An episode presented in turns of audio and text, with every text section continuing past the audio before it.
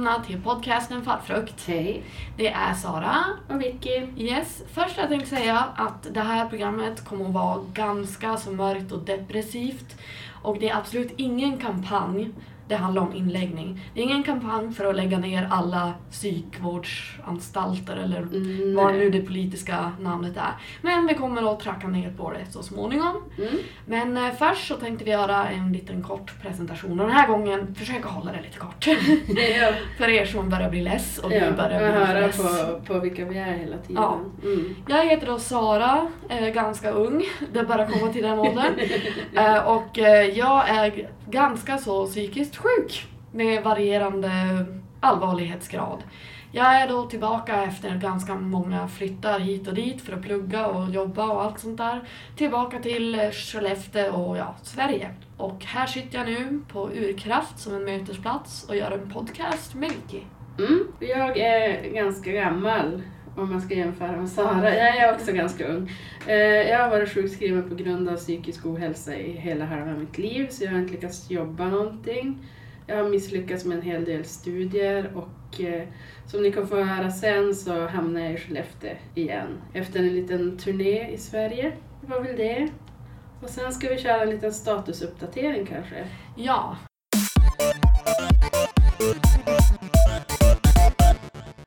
Alltså nu, nu var det ju ändå typ en månad sedan snart som eh, vi släppte senaste Mm. avsnittet och det har att göra med massvis med grejer som har varit om sidan som har liksom gjort att vi inte har kunnat jobba. Nej.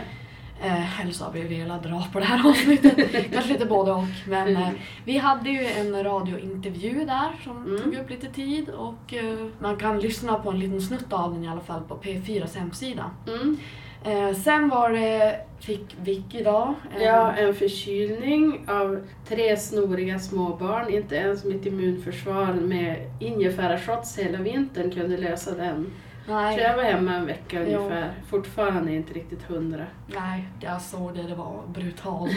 jag, jag var ganska rädd efter vi hade gått hem där att åh nej, det här kommer hända mot mig. Men jag lyckades. Man måste vara i närkontakt tror jag med barnen för att få det. Ja. Jag tror att man är ganska safe sen. Men alltså barn och dagissmittor är ju katastrofalt. Jo, Och sen efter det så har Sara varit på en eh, veckokurs i Yes. improvisationsteater och eh, personlig utveckling, nå- något sånt där. Sponsrat av EU så det var lite demokratisnack och annan propaganda också. naturligtvis. Yes. Jag hade tänkt säga så här att eh, vi hinner nog inte göra det här avsnittet innan jag får iväg på den här läskiga kursen så jag kanske måste vara på psyk ett tag eh, och få en, ännu en till erfarenhet av det innan vi kan göra avsnittet. Men tack gode satan eller vem det nu är där som hade en skyddsängel där med mig i Luleå. För det gick faktiskt bra. Mm. Wow! Sara kom hem och var glad. Ja. Men det var där inte så länge. Jo. Redan tillbaka nere i skiten. Nej. Så det kommer väl att vara ett genuint deppigt avsnitt. Ja. Så det kan vi se fram emot. Mm. Ja, då ska vi berätta lite kanske om avsnittet. Ja, det är ju för att främst återuppleva och jämföra upplevelser och granska platser. Mm. Samt ge historien. Alltså varför hamnar vi på de här ställena? Hur gick det till under och efter Mm. den här upplevelsen då? Och påminna oss själva att hålla oss därifrån. Ja. Så långt det bara går. Man kan ju som inte göra så mycket om man blir tvingad in. Nej. Har hänt. Så den lilla trevliga incidenten kommer vi få höra lite mer om. Yes, och ni som aldrig har legat på psyk, ni kanske undrar hur det är och hur det ser ut och hur det är att ligga där. Det är ju naturligtvis sjukhusfärger. Mm. Lugnande, trevliga. blågröna färger och sjukhuskonst och plastblommor och långa korridorer med sängar. Man får dela rum med andra vilket är ganska besvärligt när man är i ett dåligt skick. Mhm. Jag tycker att det är fruktansvärt i alla fall. Det är nog jag som Ja. snarkar men alltså ligga bredvid folk som kanske gråter eller skriker eller... Ja, det är fruktansvärt att dela Mm. rum i allmänhet med folk. Alltså okej, nu är jag inte så eremit men att liksom, när man är i ett riktigt dåligt skick och bara vill ha lugn och tystnad och vara Mm. fred Och då bara måste dela det med en random person som heller inte mår bra. Nej. Eller som snarkar gravt. Ja, eller som är utåtagerande kan ju vara jävligt påfrestande. Jag har i alla fall inte haft några så här aggressiva upplevelser men Mm. irriterande på andra sätt. Och Ja. snarkning när man har extrema sömnproblem, det går inte. Nej, det är rena döden. Ja, och det, det påverkar ju psyket som vi har tjatat på i säkert 20 avsnitt. Det kommer alltid upp på något sätt. Ja. Det, det gör ju inte saken bättre. Man mår inte bättre om man inte får sova. Och eftersom att det är fan ingenting att göra där ändå än att sticka saker så är det ju bara ja, men, sova som gäller Mm, egentligen. ja, sova. Ja, jag som gillar att läsa och sen har de speciella mattider naturligtvis. Och sen får man gå ut och röka vissa tider om man är rökare. Annars... Får man bli rökare? Jo, jag blev rökare där en av gångerna jag låg inne för att få komma ut överhuvudtaget. För det fick man inte göra annars. Nej, är På helt den tiden i alla fall. Ja. Och en gång så fick jag sova i ett förråd på grund av platsbristen. Mm. Det var ju lite mysigt. Fast det var ju störigt när sköterskorna kom och hämtade grejer hela tiden. Ja, Men jag fick ju vara själv, snarka i fred. det var det värt det Ja. faktiskt, måste jag säga. Men sen är det lite speciellt för att man får ju inte ha några grejer som folk kan skada sig på. Så att speglarna är gjorda av polerad metall. Och sen får man inte ha duschslangar Nej. eller mobilladdare så att ingen kan hänga sig i dem. Så har man då tur så blir man, ja, man blir betrodd att låna en duschslang om man har tur. Det finns de som har 24 timmars vak. Jag vet inte hur de... Ja, alltså att de är jättesuicidala så har de 24 timmars vak. Jo. Och jag vet inte, är de inne och tittar på när de duschar eller får de inte duscha alls då? Alltså, jag vet bara att det var en tjej som, jag vet inte hennes historia, för hon var aldrig någon annanstans i sitt rum. Jag tror Mm. hon låg i sängen bara, typ katatoniskt nästan. Mm. Hon hade alltid någon i personal som satt på en stol Mm. När dörren var öppen och jag vet inte om hon någonsin duschar men det känns som att om det går till en viss gräns då måste de ju duscha personen. Ja, Eller? ja jag, Jag tar inte. inget för givet egentligen. Nej, inte jag heller. Jag vet inte om det finns så här tvångsduschningar nu för tiden heller. Det känns jävligt kränkande men jag, jag vet faktiskt inte. Svår situation där. Mm. Och sen blir man visiterad när man kommer dit. Mm. Det är lite spännande att gå igenom alla ens grejer, privata saker och se så man inte har rakblad, andra vassa grejer, piller eller diverse Saxar. annat. Saxar, precis. Nagelfilar som är spet- spetsiga får man inte heller ha. Jag tror de tog min pincett också. Ja, det kan de göra tror jag. Och sen, ja men det är lite så här dagisregler. Man får bara titta på TV en viss stund på dagen. Sen finns det inte så mycket mer att göra där. Det blir mycket TV och mycket böcker och mycket sömn. Ja, jag satt bara vid datorn typ hela tiden förutom när jag stickade. Ja, Men det, det går jag in på senare. jag har inte legat inne på skitlänge sedan 2007. Det är Ja. tioårsjubileum nu ute i det fria. Och då fanns det inte datorer som man kunde bära ordentligt. Nej. Så Ja, det är tur att du gillar att läsa i alla fall. Ja. Jag hade ju... Nej, nej, då hade det blivit vak på mig om jag inte hade haft dator i alla fall. Ja.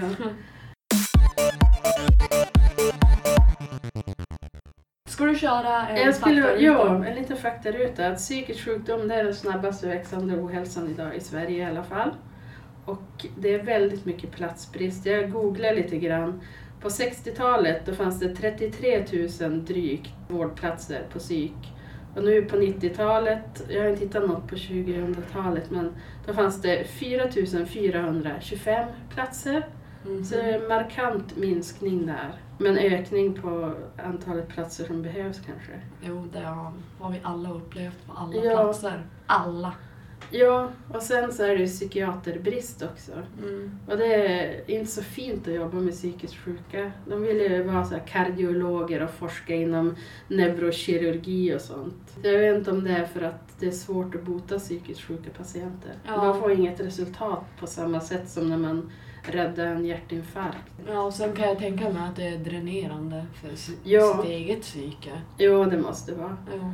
Så det var väl lilla faktarutan.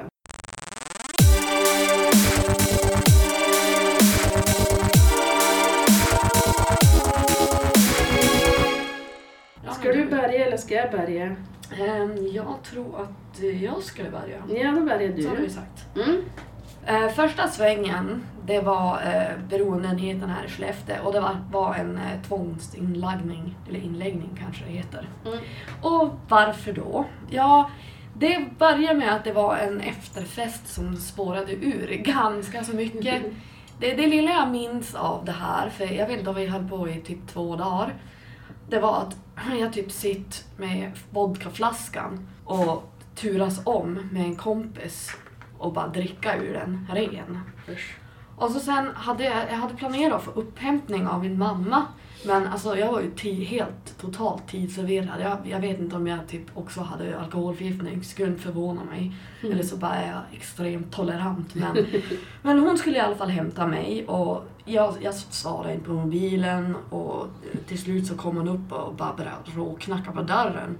Och då svarade väl jag eller min kompis då som vi var hos. Och när hon såg hela scenen, insåg liksom vad, vad som hade hänt, så vart hon ganska så jävla hysterisk. Och hon är en ganska så här hysterisk människa, skulle jag vilja säga i allmänhet. Man måste ju ehm, få sina drag någonstans ifrån. Ja. Eh, Men i alla fall så hon skällde ut min kompis så brutalt att han aldrig ville få skjuts av henne någonstans ever igen. Men det kan jag fatta. Men eh, sen så i alla fall drog hon med mig och sen minns jag inget mer. Jag tror, jag vet inte om hon direkt körde mig till sjukhuset och de drog in mig dit. Jag, jag har som inte velat prata om det hela. För, Förrän nu. Eh, ja, jag har inte tänkt prata med dem om det. Nej. Ja, de lär väl höra det här avsnittet om de vågar, men... I alla fall, jag vaknade upp i ett okänt vitt rum med vita möbler. Du pratade om det här lugnande, men just Mm. på den här enheten, om det var så här, jag tror det var korttidsboende tjosan. Jag, jag vet inte Jag vet inte om man får en plats bara på beroende och så sen så skickar de en vidare till själva avdelningen Ja, sen, jag tror det, för det var då helt sterilt och vitt och Mm. Jag var så sjukt bakis, alltså jag orkar ju inte på flera timmar kräla mig ur sängen. Och alltså jag hade ju fruktansvärd huvudvärk, sen hade jag en trasig lins som skadade mitt öga, så jag hade typ en ögoninfektion som jag behövde få hjälp för. Men Mm. jag, jag hittade absolut ingen personal jag, när jag väl tog mig ut ur rummet i den lika så vita och avskalade korridoren. Till slut så lär jag väl ha fått tag på någon men alltså det var ju, jag hade ju ingen så här Ingen vatten eller Ipren i rummet eller, eller någon medicinsk övervakning. Vilket jag tycker var lite konstigt, men vem vet, jag kanske hade varit på sjukhuset ett tag. I have no fucking idea. Du kanske hade blivit magpumpad och allt det där redan Ja. innan. Säkert. Lika bra att minnas. Nej. Men alltså det kändes nästan som, alltså med tanke på hur de lämnade mig utan, ja men, några glasögon eller någon hade tagit ut linserna eller vad som helst. Det kändes som en bestraffning. Och så ingen personal eller någon förklaring för jag kan inte tänka mig att jag är den första som vaknas där med en massiv minneslucka och inte vet vad de gör där. Nej. Ja, till slut så klurade jag ut det hela när jag väl hittade någon. Men eh, jag var inte där särskilt länge. Jag menar, det här var ju en, en incident mer än du borde vara på rehab. Så eh, jag hade någon snack med någon läkare och gick med på att få antabus utskrivet och inget mer. Det var alltså ingen vidare övervakning när jag väl for därifrån. Så ehm, jag tog inte den där. För det kändes heller inte som att jag skulle behöva det. Nej. Men eh, ja, så det, det var ingen vidare upplevelse. Alltså de måste ju ha haft extrem personalbrist också med tanke på att jag inte såg till dem på typ en halv dag. Mm. Men eh, ja, summan av kardemumman var i alla fall att det var väldigt förnedrande, bristande på allt. Det fanns absolut inget att göra. Alltså absolut inget. Det fanns ingen TV eller någonting. Och så det enda jag egentligen kan säga var att det var i alla fall rena lokaler.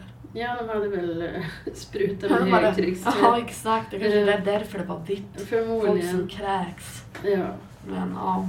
Vill du fortsätta med din första?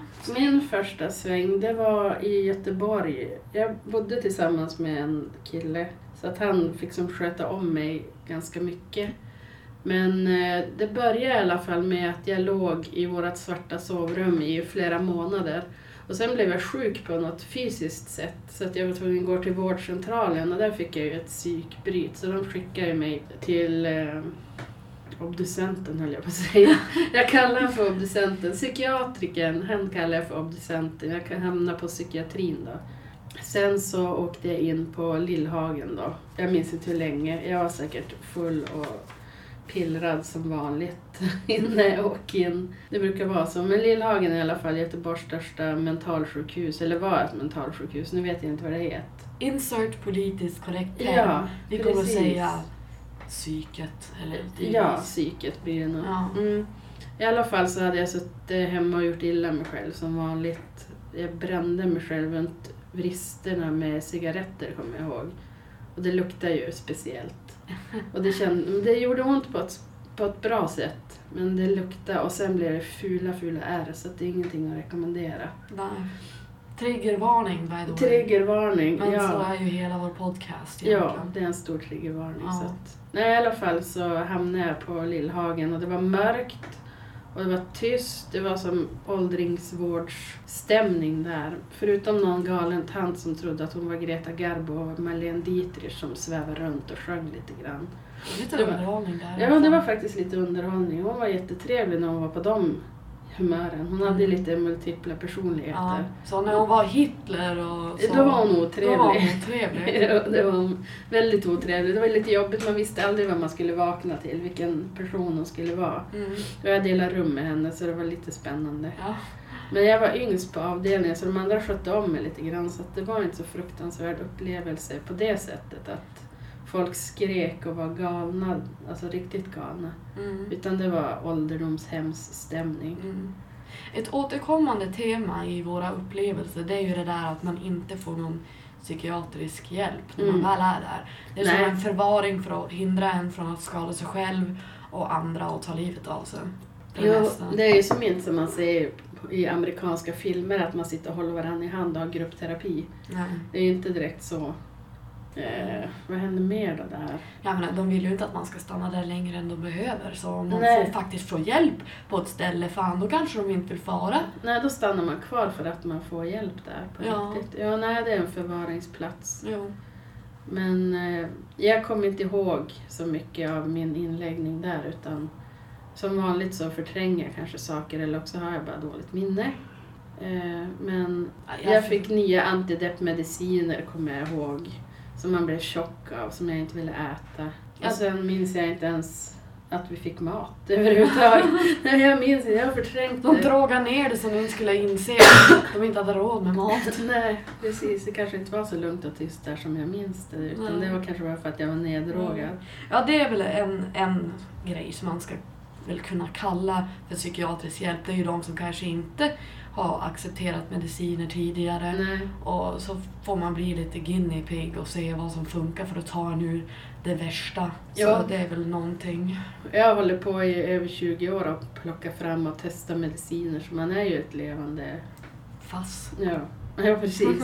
Man kan en del av medicinerna som man har haft och Jo. inte har haft som man vill ha. Jo, och så sen om man själv inte har en tendens att kunna sköta medicinerna, säg att man inte kan typ ta sig upp ur sängen när man är hemma.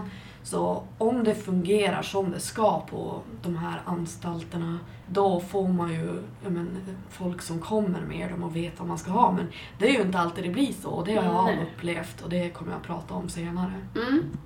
Mm. Jag kommer ihåg mer av Lillhagen. Jag kommer ihåg att vi fick röka i en bur och man får ju naturligtvis inte ha tändare så det var ju någon stackars skötare som fick springa fram och tillbaks med tändaren.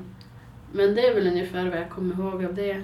Förmodligen så hade jag ju som sagt pillertrilla och druckit alkohol innan jag hamnade där. Jag var ganska utåtagerande på den tiden också så att min sambo fick hålla fast mig ganska mycket för att jag var så aggressiv. Och en gång vet jag, då rymde jag från Salgrenska jag hade hamnat där på grund av att jag hade suck, druckit alkohol. Åh, jag ska sluta med det, eller jag har slutat med det på det viset i alla fall. Katastrof. Ja, i alla fall så körde han dit mig och de lämnade mig i ett rum och glömde låsa dörrarna. Ja. Och det var jag ju snabb på att liksom se. Så att jag sprang därifrån fort som fan och skrattade och tyckte att det var jätteroligt för att jag hade kommit undan. Ja. Men då hade de efterlyst mig så polisen var ute och letade mig. Men just när... Nu gnisslar jag I alla fall just innan polisen skulle plocka in mig så kommer de min sambo med bilen och hämtar mig så att jag klarar mig. Men jag kommer inte ihåg om jag hamnade på Lillhagen efter det också, att det vart en andra sväng där. Ja, de tog inte tillbaka dig till Sahlgrenska då? Nej, Nej. det gjorde de inte. Ja, hur för övrigt, visst var du frivilligt från början eller var du tvångsinlagd? Nej, jag var frivilligt första... Jag har nog aldrig varit... Det finns något som heter LPT. Där jag vet inte exakt vad det står för. Mm, Men det är i alla fall när man blir tvångsinlagd. mm. Och det har jag lyckats att komma Ja. undan. Nej, jag tänkte bara för de som blev förvirrade att du då rymde. Men det är ju det att när man väl har Mm. skrivit på att Mm. man frivilligt är där, då är man där som under tvång. Man har tvingat Mm. sig själv att ge andra auktoriteten. Ja, man är ungefär men, minderårig förklarad under en Ja. kort tid. Precis. Och det känns verkligen som att man är det. Men... eh, Ja, som sagt, det är ett blurr där. Det är den perioden av mitt liv. Det var väldigt stökigt. Mm, ja, det är mycket jag önskar. Det är så mycket, mycket mer jag skulle kunna komma ihåg om jag inte har varit så här. Ja, Men vid många av mina inläggningar utsvulten Mm. och kaotisk och kanske lite annat. Lite Ja. liknande vickis där. Ja, katastrof. Jo, men vi, vi försöker så gott som möjligt att Ja. minnas. Jag tror inte de, de flesta skriver så här, jaha, klockan 11, dag 3. Nej. Sitter och hmm, känner sådär. Men jag skrev faktiskt dagbok när jag var inne på Lillhagen en av svängarna.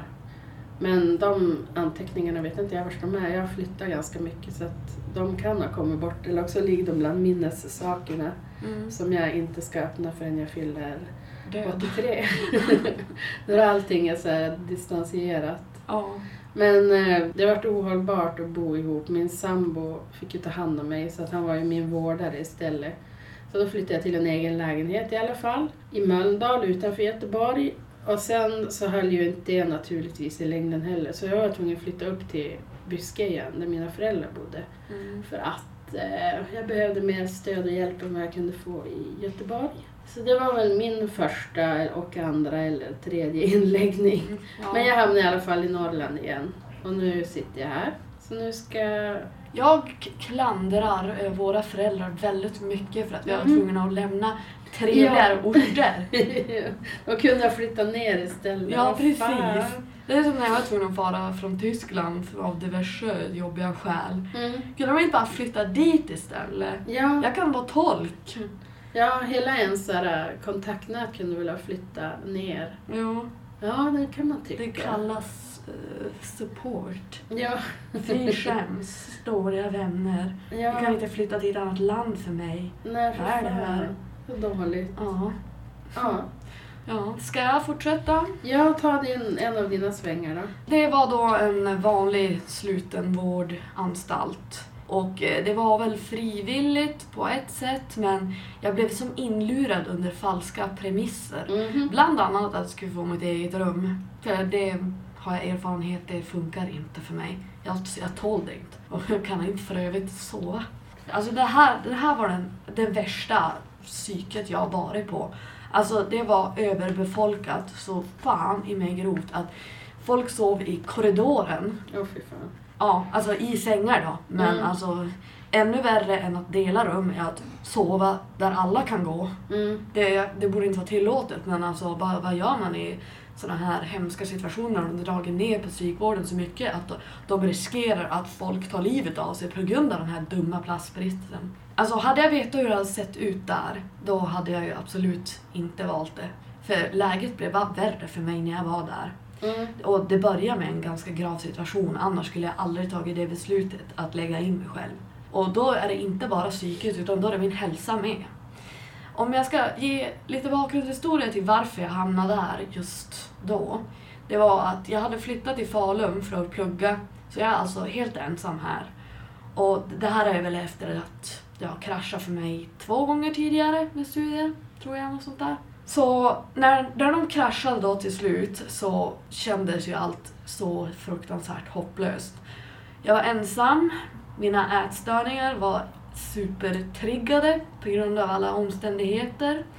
Och eh, mitt kaliumvärde, förutom min väldigt låga vikt, var rödflaggat. Oj. Och eh, ja, det gör att jag kan få hjärtsvikt och andra hjärtproblem, vilket gör att jag kan dö.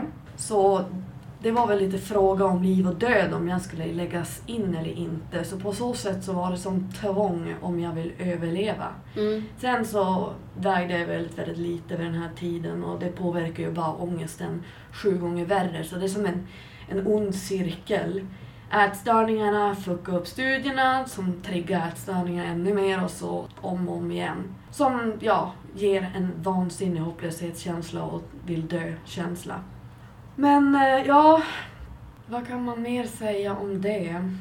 Ja, just ja. Anledningen till varför jag var där. Ja, den enda lilla terapi jag hade här i Falun för att jag var på en väntelista och det är ju så lång väntelista på grund av att det är alldeles för dålig finansiering av vården. Mm. Så, ja, så det enda jag kunde få det var gruppterapi en gång i veckan på, bara på grund av en aspekt av mina ätstörningar vilket är mina så kallade självrensningstendenser. Och eh, det var de som då övertalade mig om att jag borde lägga in mig själv. Och målade upp hela solskenshistorien om att där skulle jag få hjälp och du klarar inte av att bo själv just nu som hur din vardag ser ut. Mm.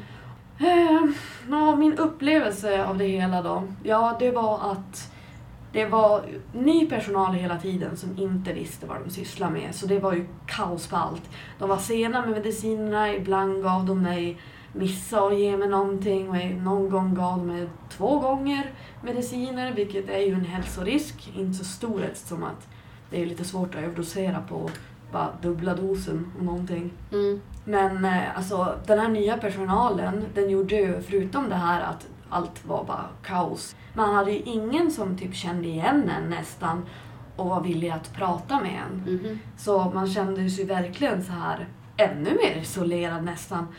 Man kände sig som bara, ja men inte behandlad som en, en människa, mer som en, en pryl. Och Mm. en pryl som ingen tyckte om. om jag får säga det så. Mm. Men ehm, ja, eftersom att jag var där mycket för att inte svälta ihjäl eller få hjärtsvikt och dö så var det mest psykotiskt knäppa att jag fick bestämma min egen kost. Jaha. Så jag låg på, jag räknade ut att jag låg på under 500 kalorier per dag. Och för de som inte vet så ska en kvinna ungefär ligga på 2000. Plus att de, ja, men gjorde fel med det lilla jag hade begärt.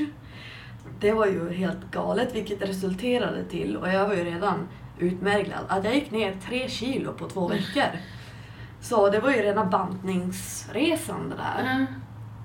Ehm, Sjukt. Jo, det, det, var, det är vanvård. Alltså, det finns så Mm. många under våra år av att lida av psykisk ohälsa. Det är så många jävla lex Maria jag har lust att anmäla.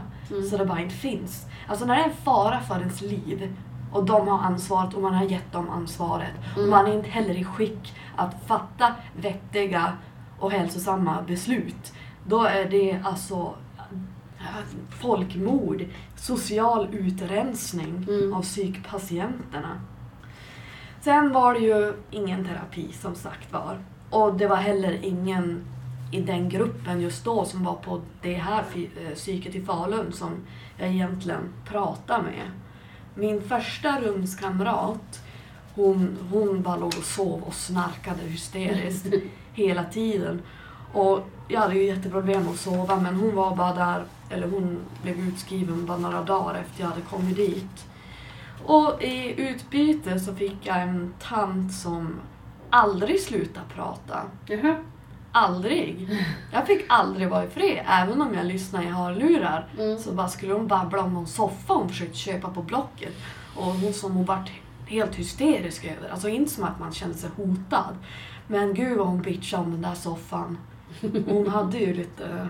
Ja, mm, man kan se varför hon hamnade där. En Blocket-psykos. ja, Mm. tillbaka till det där om eh, kosten och varför jag var där. Alltså de hade ju absolut borde inte ha haft det ansvaret. För vi var ju flera som var där på grund av ätstörningar. Flera. Så då borde de ju ha någon i personalen som är, ansvarig lite grann för, jag menar jag kunde ha kräkts som jag hade velat och allt, allt sånt där.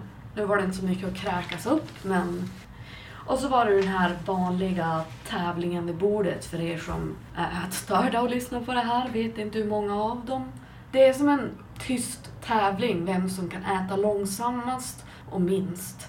Det finns en mentalitet inom ätstörningsföreningen, eller vad man nu ska säga, som är att det är på något vis pinsamt att äta, man känner sig girig. Mhm. Så då vill man ju inte vara den mest giriga Och glufsa i och sig. glufsa i sig. Nej. Och att folk ska tro, men vad är hennes problem? Så då hade jag hellre suttit med de andra. Om de ändå inte har så mycket av uppsikt, då kan man väl lika gärna sitta där man vill. Men eh, eh, Vicky pratar ju om de här reglerna då, som finns på de flesta avdelningarna. Och då är det här med att man var tvungen att ladda i laddrum för att man inte fick ha sladden. Men vi fick ha sticknålar, alltså som man stickar med. Det är de märkligt. fick vi ha. Det kändes som mer farligt. Det är väl lättare för mig att döda någon annan med sticknålar än Mm. att försöka strypa dem. Jo. Beroende på hur nedmedicinerade de är då. Men, så det var ju lite bara, jaha, mhm. Då vill jag hellre sitta med min laddare så jag slipper så här vänta Mm. mellan att jag ska ladda mobilen eller datorn. Än att sticka. Jag hatar pyssel. Så att jag lyckas sticka en halsduk under de här två veckorna, två och en halv veckorna som jag var där, det är helt insane. Måste säga att det var ganska bra faktiskt. Jaha. Men det var tråkigt som fan. Ja, nej, jag gillar ju att... Eh, sen så, utsläppet. Jag minns inte exakt vad jag sa för jag var tvungen att debattera vid ett antal tillfällen och till slut så fick jag komma in till ett rum där det satt typ alltså sju till nio personal. Alltså psykologer, läkare. Och jag vet inte vad jag sa men jag släpptes, släpptes ut till slut. Skönt. Och jag tänkte så här, punkt, punkt, punkt, platsbrist. Ja. För jag var ju fortfarande inte i bra skick. Nej, hade Jag du gått kanske- ner tre kilo så Ja. kan du inte ha varit i bra skick. Nej, men de Nej. kanske insåg det. Jag vet inte. Ja. Men det var i alla fall min upplevelse i Falun. I Falun. Mm. Ja. Ska jag dra min första inläggning i Skellefteå kanske? Please do. Please do. Okej. Ja, som vanligt, återigen, piller, alkohol. Eh, jag hade glömt äta, eller glömt, jag åt inte så mycket på den tiden. Jag vet inte varför. Jag tyckte väl inte det var värt tiden att laga maten. Och pengarna. Man brukar ju sällan vara rik vid sådana här situationer. Nej, absolut inte. Eh, och så hade jag nog skurit mig själv också. Och det var, ja, det var min grej i alla fall. Det var piller, Castillo de Gredos, rödvin. Mycket äckligt, men billigast på bolaget. Ja. Och jag tror att mina föräldrar sopade ihop mig någon gång när, jag, när de inte fick tag på mig i lägenheten i Byske. Och ja, de bar mig väl ut till bilen. Jag kommer inte ihåg om det var då jag hamnade på beroendeenheten. Det är där jag fick sitta, ja, det Sara berättade om. Mm. Där man får sitta i ett vitt rum, man vet inte vad som har hänt, man vet inte var man är. Ingen att prata med, utan man får bara hugga någon som kommer förbi och fråga var man är överhuvudtaget. Mm. Det minns jag lite grann att jag satt i det där rummet och att någon i min närhet, någon kille satt och tände av på heroin och det var jävligt jobbigt. Det var inte min grej och det förstod de ju också att jag behövde inte ligga på beroende utan då hamnade jag på av, vanlig avdelning istället.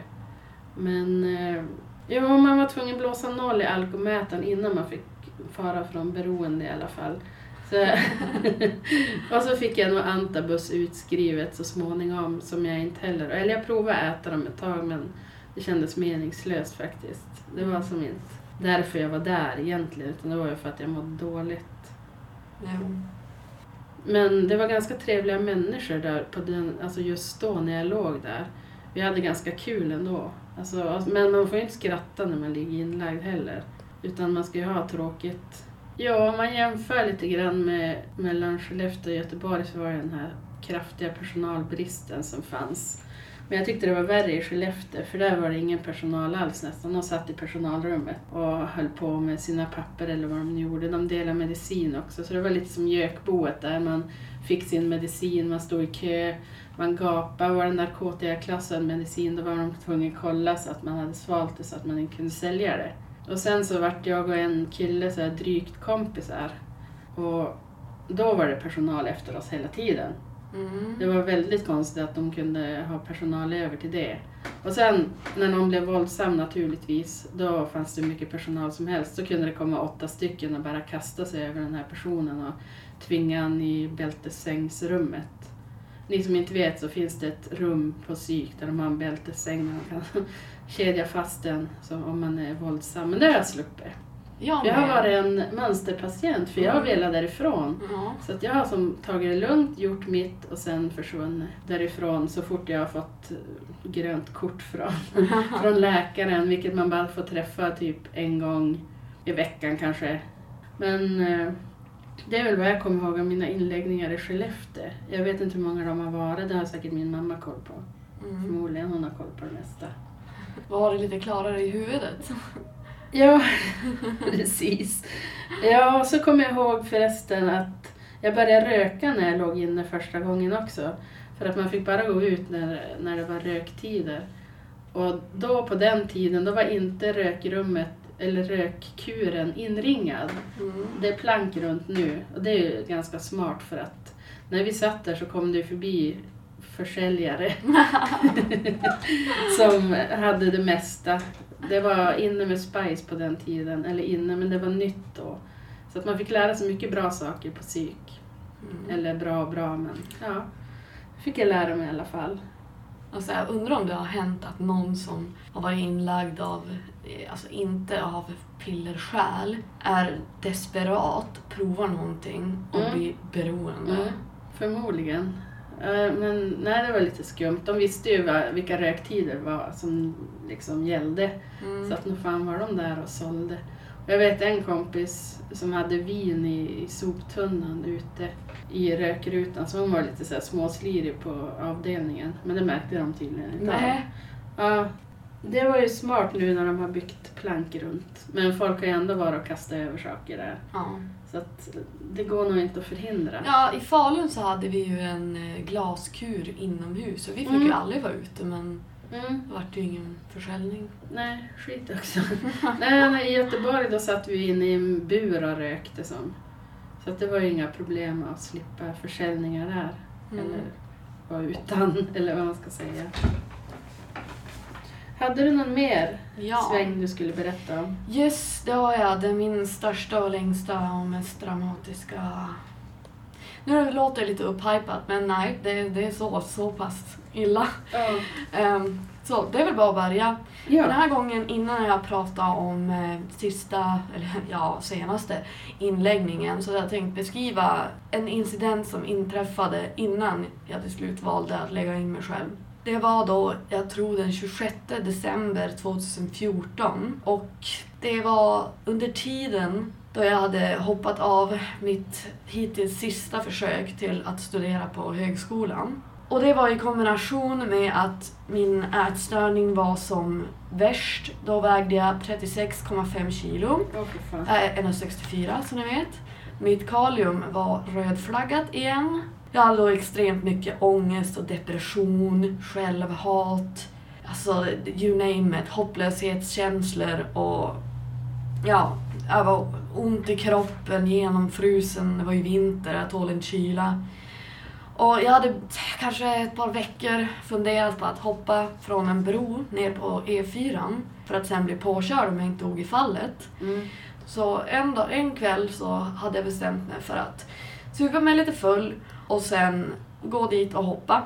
Det slutade med att jag bröt benet i tre delar och de bröt som av som torra kvistar så jag var tvungen att få ett stålben inskruvat med den största skruv jag sett i höftbenet ner till knät. Oj, oj. Sen så bröt jag även ena skulderbladet och frakturerade bäckenbenet. Plus lite annat smått och gott ont. Aj. Det var den mest plågsammaste upplevelsen i mitt liv. Jag skrek och kallsvettades trots ganska höga morfindoser. Men i alla fall, efter en och en halv månad på sjukhuset plus tid att lära sig gå så fick jag remiss till ätstörningskliniken Capio i, i Sollentuna, vilket är en sluten heldygnsvård för att det inte finns någon sån i hela jävla Norrland. Och på grund av det här självmordsförsöket och eh, ja, det faktum att jag kunde dö så fick jag som åka först i kön för annars kunde det vara upp till ett halvår i väntekö. Oj. Men jag fick bara, nej men kom in här. Mm. Dra in den nästan. Hade de kunnat tvångsinlägga mig så hade de ju fan gjort det. Mm. Men den här gången så var det bara, nu är det sista kraftansträngningen. Sen får jag hitta på något annat. Eh, om ni fattar vad jag menar. Det var i alla fall det som bidrog mest till att jag valde det här. För eftersom att jag har varit ätstörd i nu kanske, vad är det, 13 år. Så är det, är det lite så här bära och brista. För jag har, all, jag har sagt i 13 år, eller ja, då var det väl 11 år. Att liksom, jag dör hellre än, än lägga in mig själv där med att bli tvångsmatad. Men nu, nu var det lite det. Jag försökte dö så ja, då kan jag lika gärna gå och lägga in mig på en ätstörningsenhet. Mm. Okej, då börjar vi. Dag ett. Regler. De jag minns i alla fall. Okej. Inga tajta kläder för att det inte andra ska bli provocerade av hur smal man är. Eller, jag kan förstå det, jag skulle bli provocerad om jag säger att någon är smalare än mig. Eh, låsta toaletter efter varenda måltid och det var så jävligt många måltider. De slutade, det känns som det enda vi gjorde var att äta. Eh, om man inte förstår varför så är det för att folk inte ska kräkas efter måltider. Efter måltiderna då var vi alla tvungna att ligga i som, som på dag, dagis när man, alla, när man ligger på madrasser. ehm, I mysrummet. I mysrummet. Och tvungen att lyssna på alltså, fucking delfinsång. Alltså avslappningsmusik. Och jag, jag blir så provocerad av avslappningsmusik. Jag vet inte vad det är. För det känns som att någon försöker tvinga mig att slappna av. Och det Mm. gör mig motsatsen. Mm. Jag blir upprörd av det. Åh, det tog aldrig slut det där. Eh, sen så var det visitering at random. Delvis för att leta efter ja, men kanske farliga objekt eller contraband. Alltså i form av piller eller mat för hetsätning och sånt där. Eh, man fick inte ha några kryddor på maten, alltså utöver de som de hade. Och jag, jag blev så frustrerad för jag, jag är saltfanatiker, saltberoende. Jag saltar allt. Så jag, jag skämtsamt frågade om vad då? Har någon typ snortat curry? Och de bara, Mm. ja något liknande. Bara what? och det visade sig att ja, men folk har missbrukat kryddor för att förstöra mat så att de blir oätliga och Mm. påstå att ja, men det här kan jag inte äta. Så därför var de tvungna att ta bort allt. Alltså jag, jag tjatade och tjatade varenda måltid. Till slut så insåg de ju att hon, Sara, hon har bara ett beroende. Hon har inte tänkt sabotera maten. Så jag behövde bara fråga en gång var, varje måltid då. Och så kom de och bara ut saltet, suckade, lät mig salta, sen tog de bort den, ingen annan fick det. Men det är lite kul att de kan göra undantag ibland när de ser att ja, men, det här kommer hjälpa henne att i alla fall känna sig lite bättre över att hon måste äta någonting. Som då kan det lika gärna vara ätbart i alla fall. Mm. För för mig, utan salt, då kan man lika gärna käka papper. Nåväl. Reglerna. Man fick ju inte gå ut. Alltså om man var rökare så fick man gå ut vid vissa tider i samlad trupp då. Det är lite samma som för Vicky då, men vad jag minns så var det ingen försäljare där i alla fall. Nej, Nej. okej. Trist för Ja, er. det kanske var för att det alltid var någon som tvungen att gå med ut. Ja, vi fick gå ut själva. Det är jävligt Ja. skumt. Ja, nej, fick inte vi i alla fall. Det kanske var på grund av all försäljning. Ja. Försäljning av, av plopp och, och Pringles. Ja. Jag skrattar ju åt någonting tragiskt som vanligt, Ja. men lite galghumor har vi ju sagt att vi ska ha. Precis. Mm. Sen var det ju strikta tider då, alltså rutiner. Det var alltså nolltolerans på det. Vi åt och slutade äta exakt samma tid och upp samma tid och sånt där. Sen var det invägning en gång i veckan och spontaninvägning. Jaha. Utifall att någon hade börjat göra någonting som kanske ledde till att det skulle kunna bli varning för någon hälsoskada. Mm. Och de, de var de, de värsta. Man kände sig som jävla... Du vet, när man ser på fängelsedokumentärer när SWAT-teamet kommer bara för en random inspektion Mm. efter typ vapen Mm. och droger. Ja. Kändes som det. Man blir liksom uppväckt och indragen i ett rum. Ja. Sen var det ju, matvägrade man, då var man tvungen att dricka en näringsdryck med, som skulle innehålla lika mycket kalorier som maten skulle göra. Och det gällde ju att det gällde även om du inte skrapade tallriken. För folk försökte ju fuska genom att liksom smeta ut Mm. såser på tallriken för att verka och få det. Men det visste såg de ju direkt alltså. Eftersom att det var en privatklinik ändå så var det ju mycket mer bättre. Personalen var ju ganska konstant Mm. och de visste ju vad de gjorde. Så det var ju i alla fall bra. Sen en till regel. Den, den känns som lång den här listan. Ja, Och det var de jag minns. Man fick inte prata om ätstörningsproblem med andra, heller ej självskadegrejer. En annan regel var att man inte fick försöka smygmotionera så att säga. Till exempel att typ stå upp när man pysslade för att det skulle bränna fem kalorier till. Men jag förstår att det är beteendet och tanken till varför man skulle vara så desperat som man vill motarbeta men man kommer inte för att precis svälta ihjäl om man står upp under pysseltiderna. Sen så fick man ju inte heller besöka några provocerande hemsidor som, eh, för ni som inte vet vad ProAno och ProMia-sidor är, så är det som communities som folk med ätstörningar eh, försöker typ hjälpas åt varandra att gå ner i vikt och sånt. Alltså det är personer som ser det som en livsstil. Mhm. Jag skulle vilja påstå att det är personer som ännu inte har hamnat så långt ner i skiten att de skulle se det här som nästan vållande till andras död. För Mhm. alltså, det är sjukt i alla fall. Eh, sen så, ja, sista regeln. Ta inte livet av det. För det här är inte en trevlig upplevelse. Nej. Nåväl. Nu så ska jag prata om mina upplevelser. Eftersom att det var en privat klinik så var det, hade det ju pengar såklart. Så det var ju väldigt hemtrevligt. Alltså de hade fina möbler och Mm. massa dekoration på väggarna.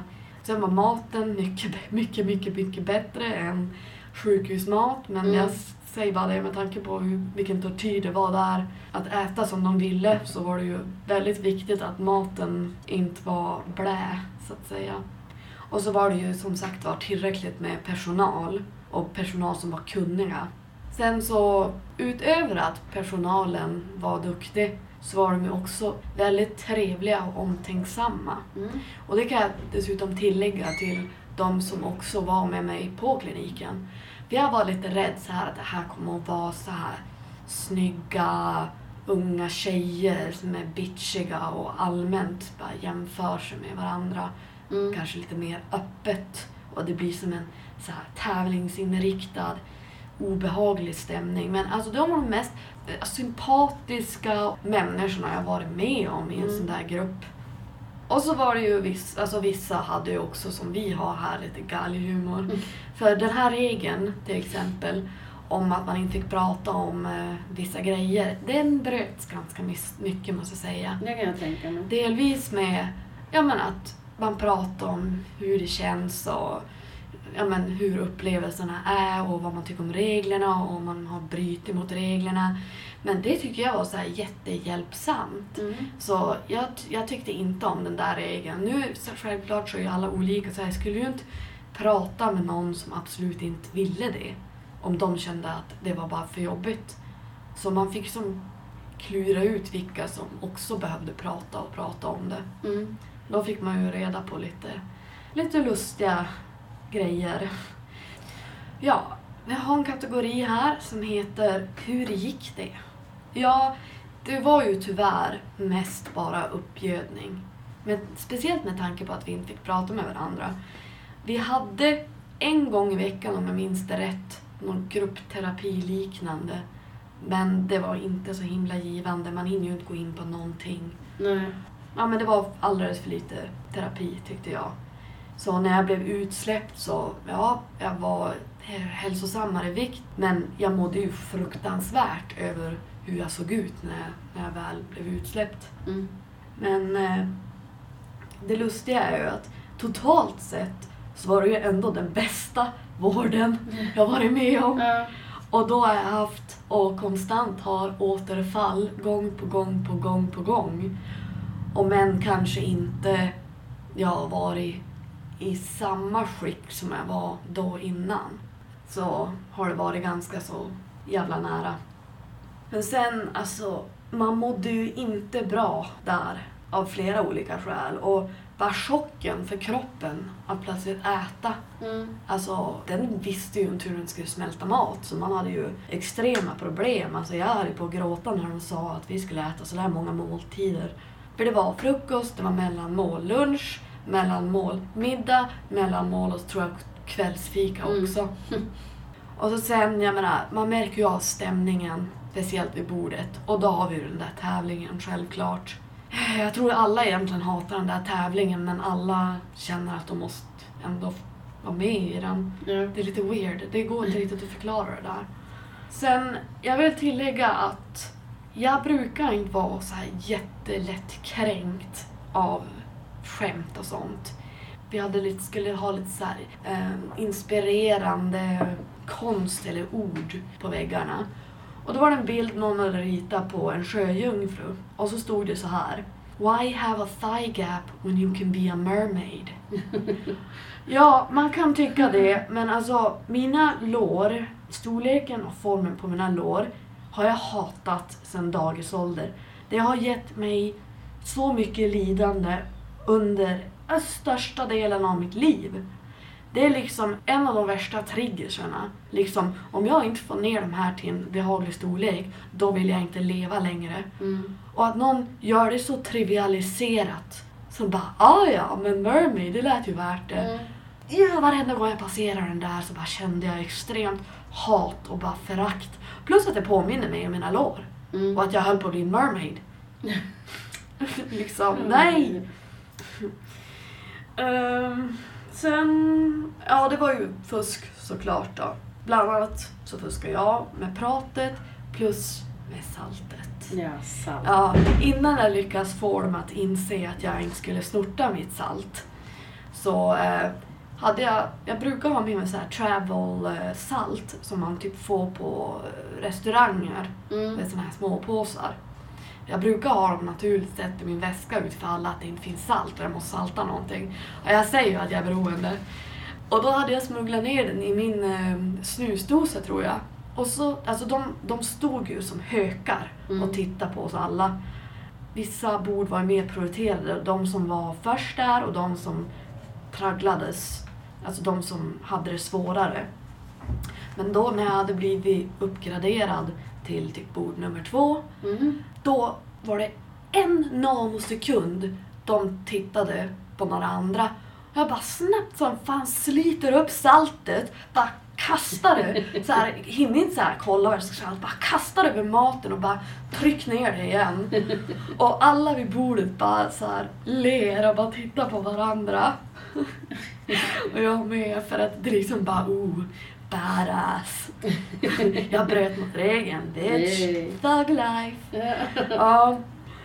Så det var en av de här få roliga stunderna.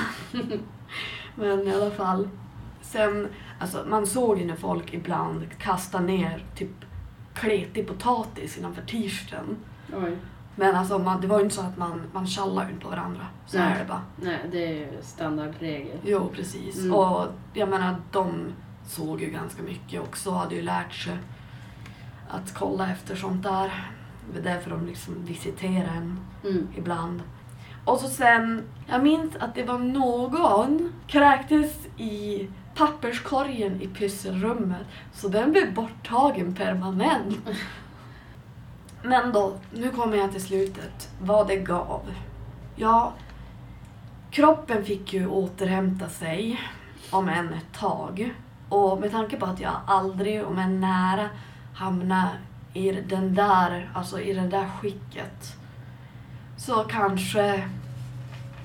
Ja, men man fick det här. Jag orkar inte gå ner till den vikten igen. Jag orkar Mm. inte fysiskt. Mm. För det är, ju, det är ju lättare att återuppehålla den när man väl liksom redan är nere till en jättelåg vikt. Men att börja om från ruta ett och gå, komma ner till den nivån, alltså det, det, är, det är typ nästan omöjligt. Sa jag med, med typ sorg ja. i blicken och rösten. Jag kände bara, vet ni vad mitt så här undermedvetna sa till mig nyss? Oj. Bara, fan det måste ju ändå finnas något sätt att komma tillbaka dit. Åh gud. Ah, ja, moving on.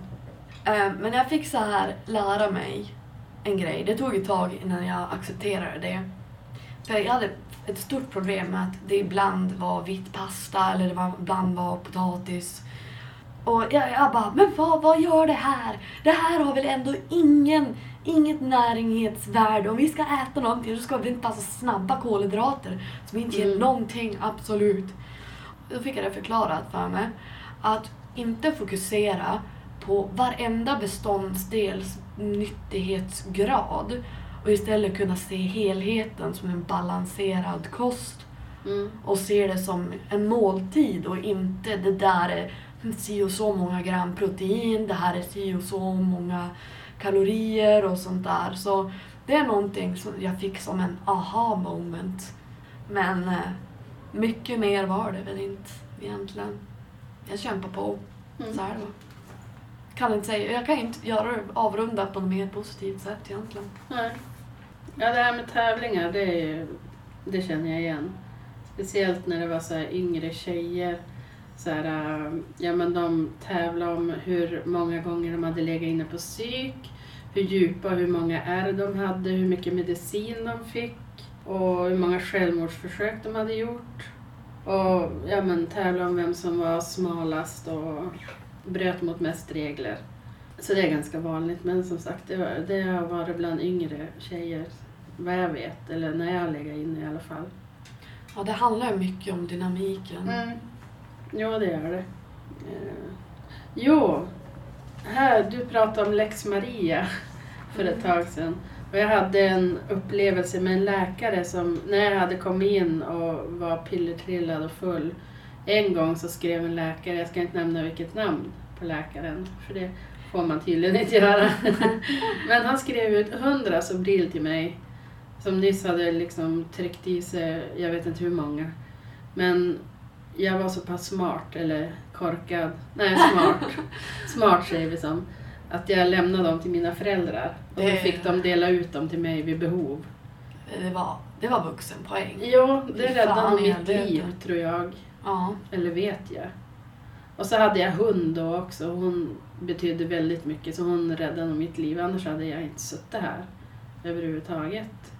Och sen när jag har legat inne så har jag aldrig velat ha besök av någon. För jag har känt mig så här smutsig och värdelös och misslyckad. ja, jag hade ju ingen som besökte mig i Falun. För, Nej. alltså hela den där perioden, det var ju när jag var på vanlig ordinarie psyk. Mm. Jag, jag var ju så frustrerad, deprimerad, ångestfylld så jag, jag ville bara vara isolerad egentligen. Det var ju typ Mm. därför jag bodde kvar ett helt och nästan, ja men tre fjärdedelar av ett år kanske. Sen måste jag berätta om ett annat ställe som finns i Skellefteå som heter Gästhuset.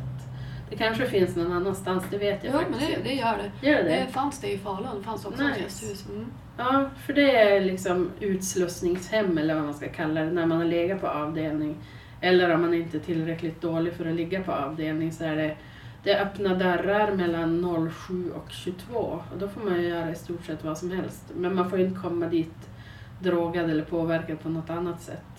Och sen, sen har man, där har man faktiskt ett eget rum. Mm. För där är det meningen att det ska vara tyst och stilla och lugnt och där är det också så här ålderdomshem. Tragisk, konstig lukt i korridorerna. Vilket Mm. jag tycker att det är på psyk överhuvudtaget, så här konstig lukt. Den där sjukhusmaten som Ja. typ förgiftar väggarna. Ja precis, och ångesten i väggarna som bara dryper. Ja. Det måste ju vara något sånt. Men i alla fall, där har jag legat några gånger för att återhämta mig. För jag har behövt fasta matrutiner och sömn och vara i fred. Mm. Så det är ett bra ställe tycker jag att ligga på kanske en vecka. Det är ingenting man vill hamna på i en längre tid det heller.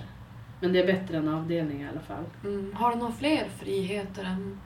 Alltså om du, om du jämför med att vara på vanliga psyk till gästhuset. Du, du sa att ni fick eh, lämna mellan vissa tider. Men Mm. när man är väl där, vad är reglerna? Okej, man får inte vara påverkad. Nej, och så är det fasta mattider. Det är också där frukost, mellanmål, lunch, mellanmål. Mediciner. Mediciner naturligtvis. Ja. Och någon gång när jag låg där så hade jag anafranilbehandling. Så då fick jag gå ifrån och ligga där och få anafranil också. Mm. Och det är ett antidepp, ni som inte vet. Som man får i droppform. Så man får sitta i tre timmar eller något sånt där. Ja, jag, skulle, jag blir deprimerad av bara tanken på att sitta tre timmar. Ja. Vad tråkigt. Ja, men jag somnade alltid. Jag låg och läste så somnade jag. Eller också kunde man ju speeda på den här droppen så att det gick fortare. För att det var ingen läkare som övervakade hela tiden utan Ja. man fick liksom ligga där i sitt bås. Mm. Men eh, gästhuset var rätt okej. Men det beror ju på vem som låg där också. Det beror jättemycket på vem man ligger inne med. Jo. Hur upplevelsen känns.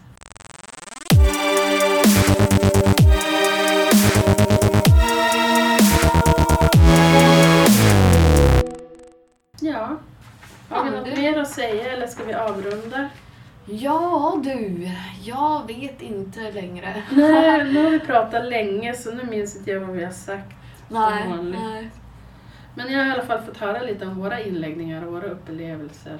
Jo, och så då kan ni förstå lite grann varför, det har ni nog förstått redan nu om, om jag lyssnar på våra tidigare avsnitt, varför vi bryr oss så starkt om att sjukvården inte får tillräckligt mycket pengar och uppmärksamhet. Mm. Det är folks liv och framtid. För den, den kan sluta existera den. Jo, det kan det. Ja. Men eh, då ska vi väl tacka för oss. Jo, vi tackar för oss och så hoppas vi på att vi slipper inläggningar och att ni slipper inläggningar om ni inte behöver det som sagt. Jo, tillägga att Mm. liksom, vi pratar ju från egen erfarenhet, Mm. men tänk på din egen situation, personlighet, problem och andras professionella råd. Ja, Så ni inte liksom bara antar att alla platser och alla situationer och alla läkare är så dåliga. Nu råkar det vara statistiskt Skellefteå. Men ja, det, det är viktigt att tillägga här. ja precis. Mm. Tänk på er själva vad ni kanske behöver för tillfället. Yes. För jag kan ju erkänna att jag har faktiskt behövt den här vården jag har fått.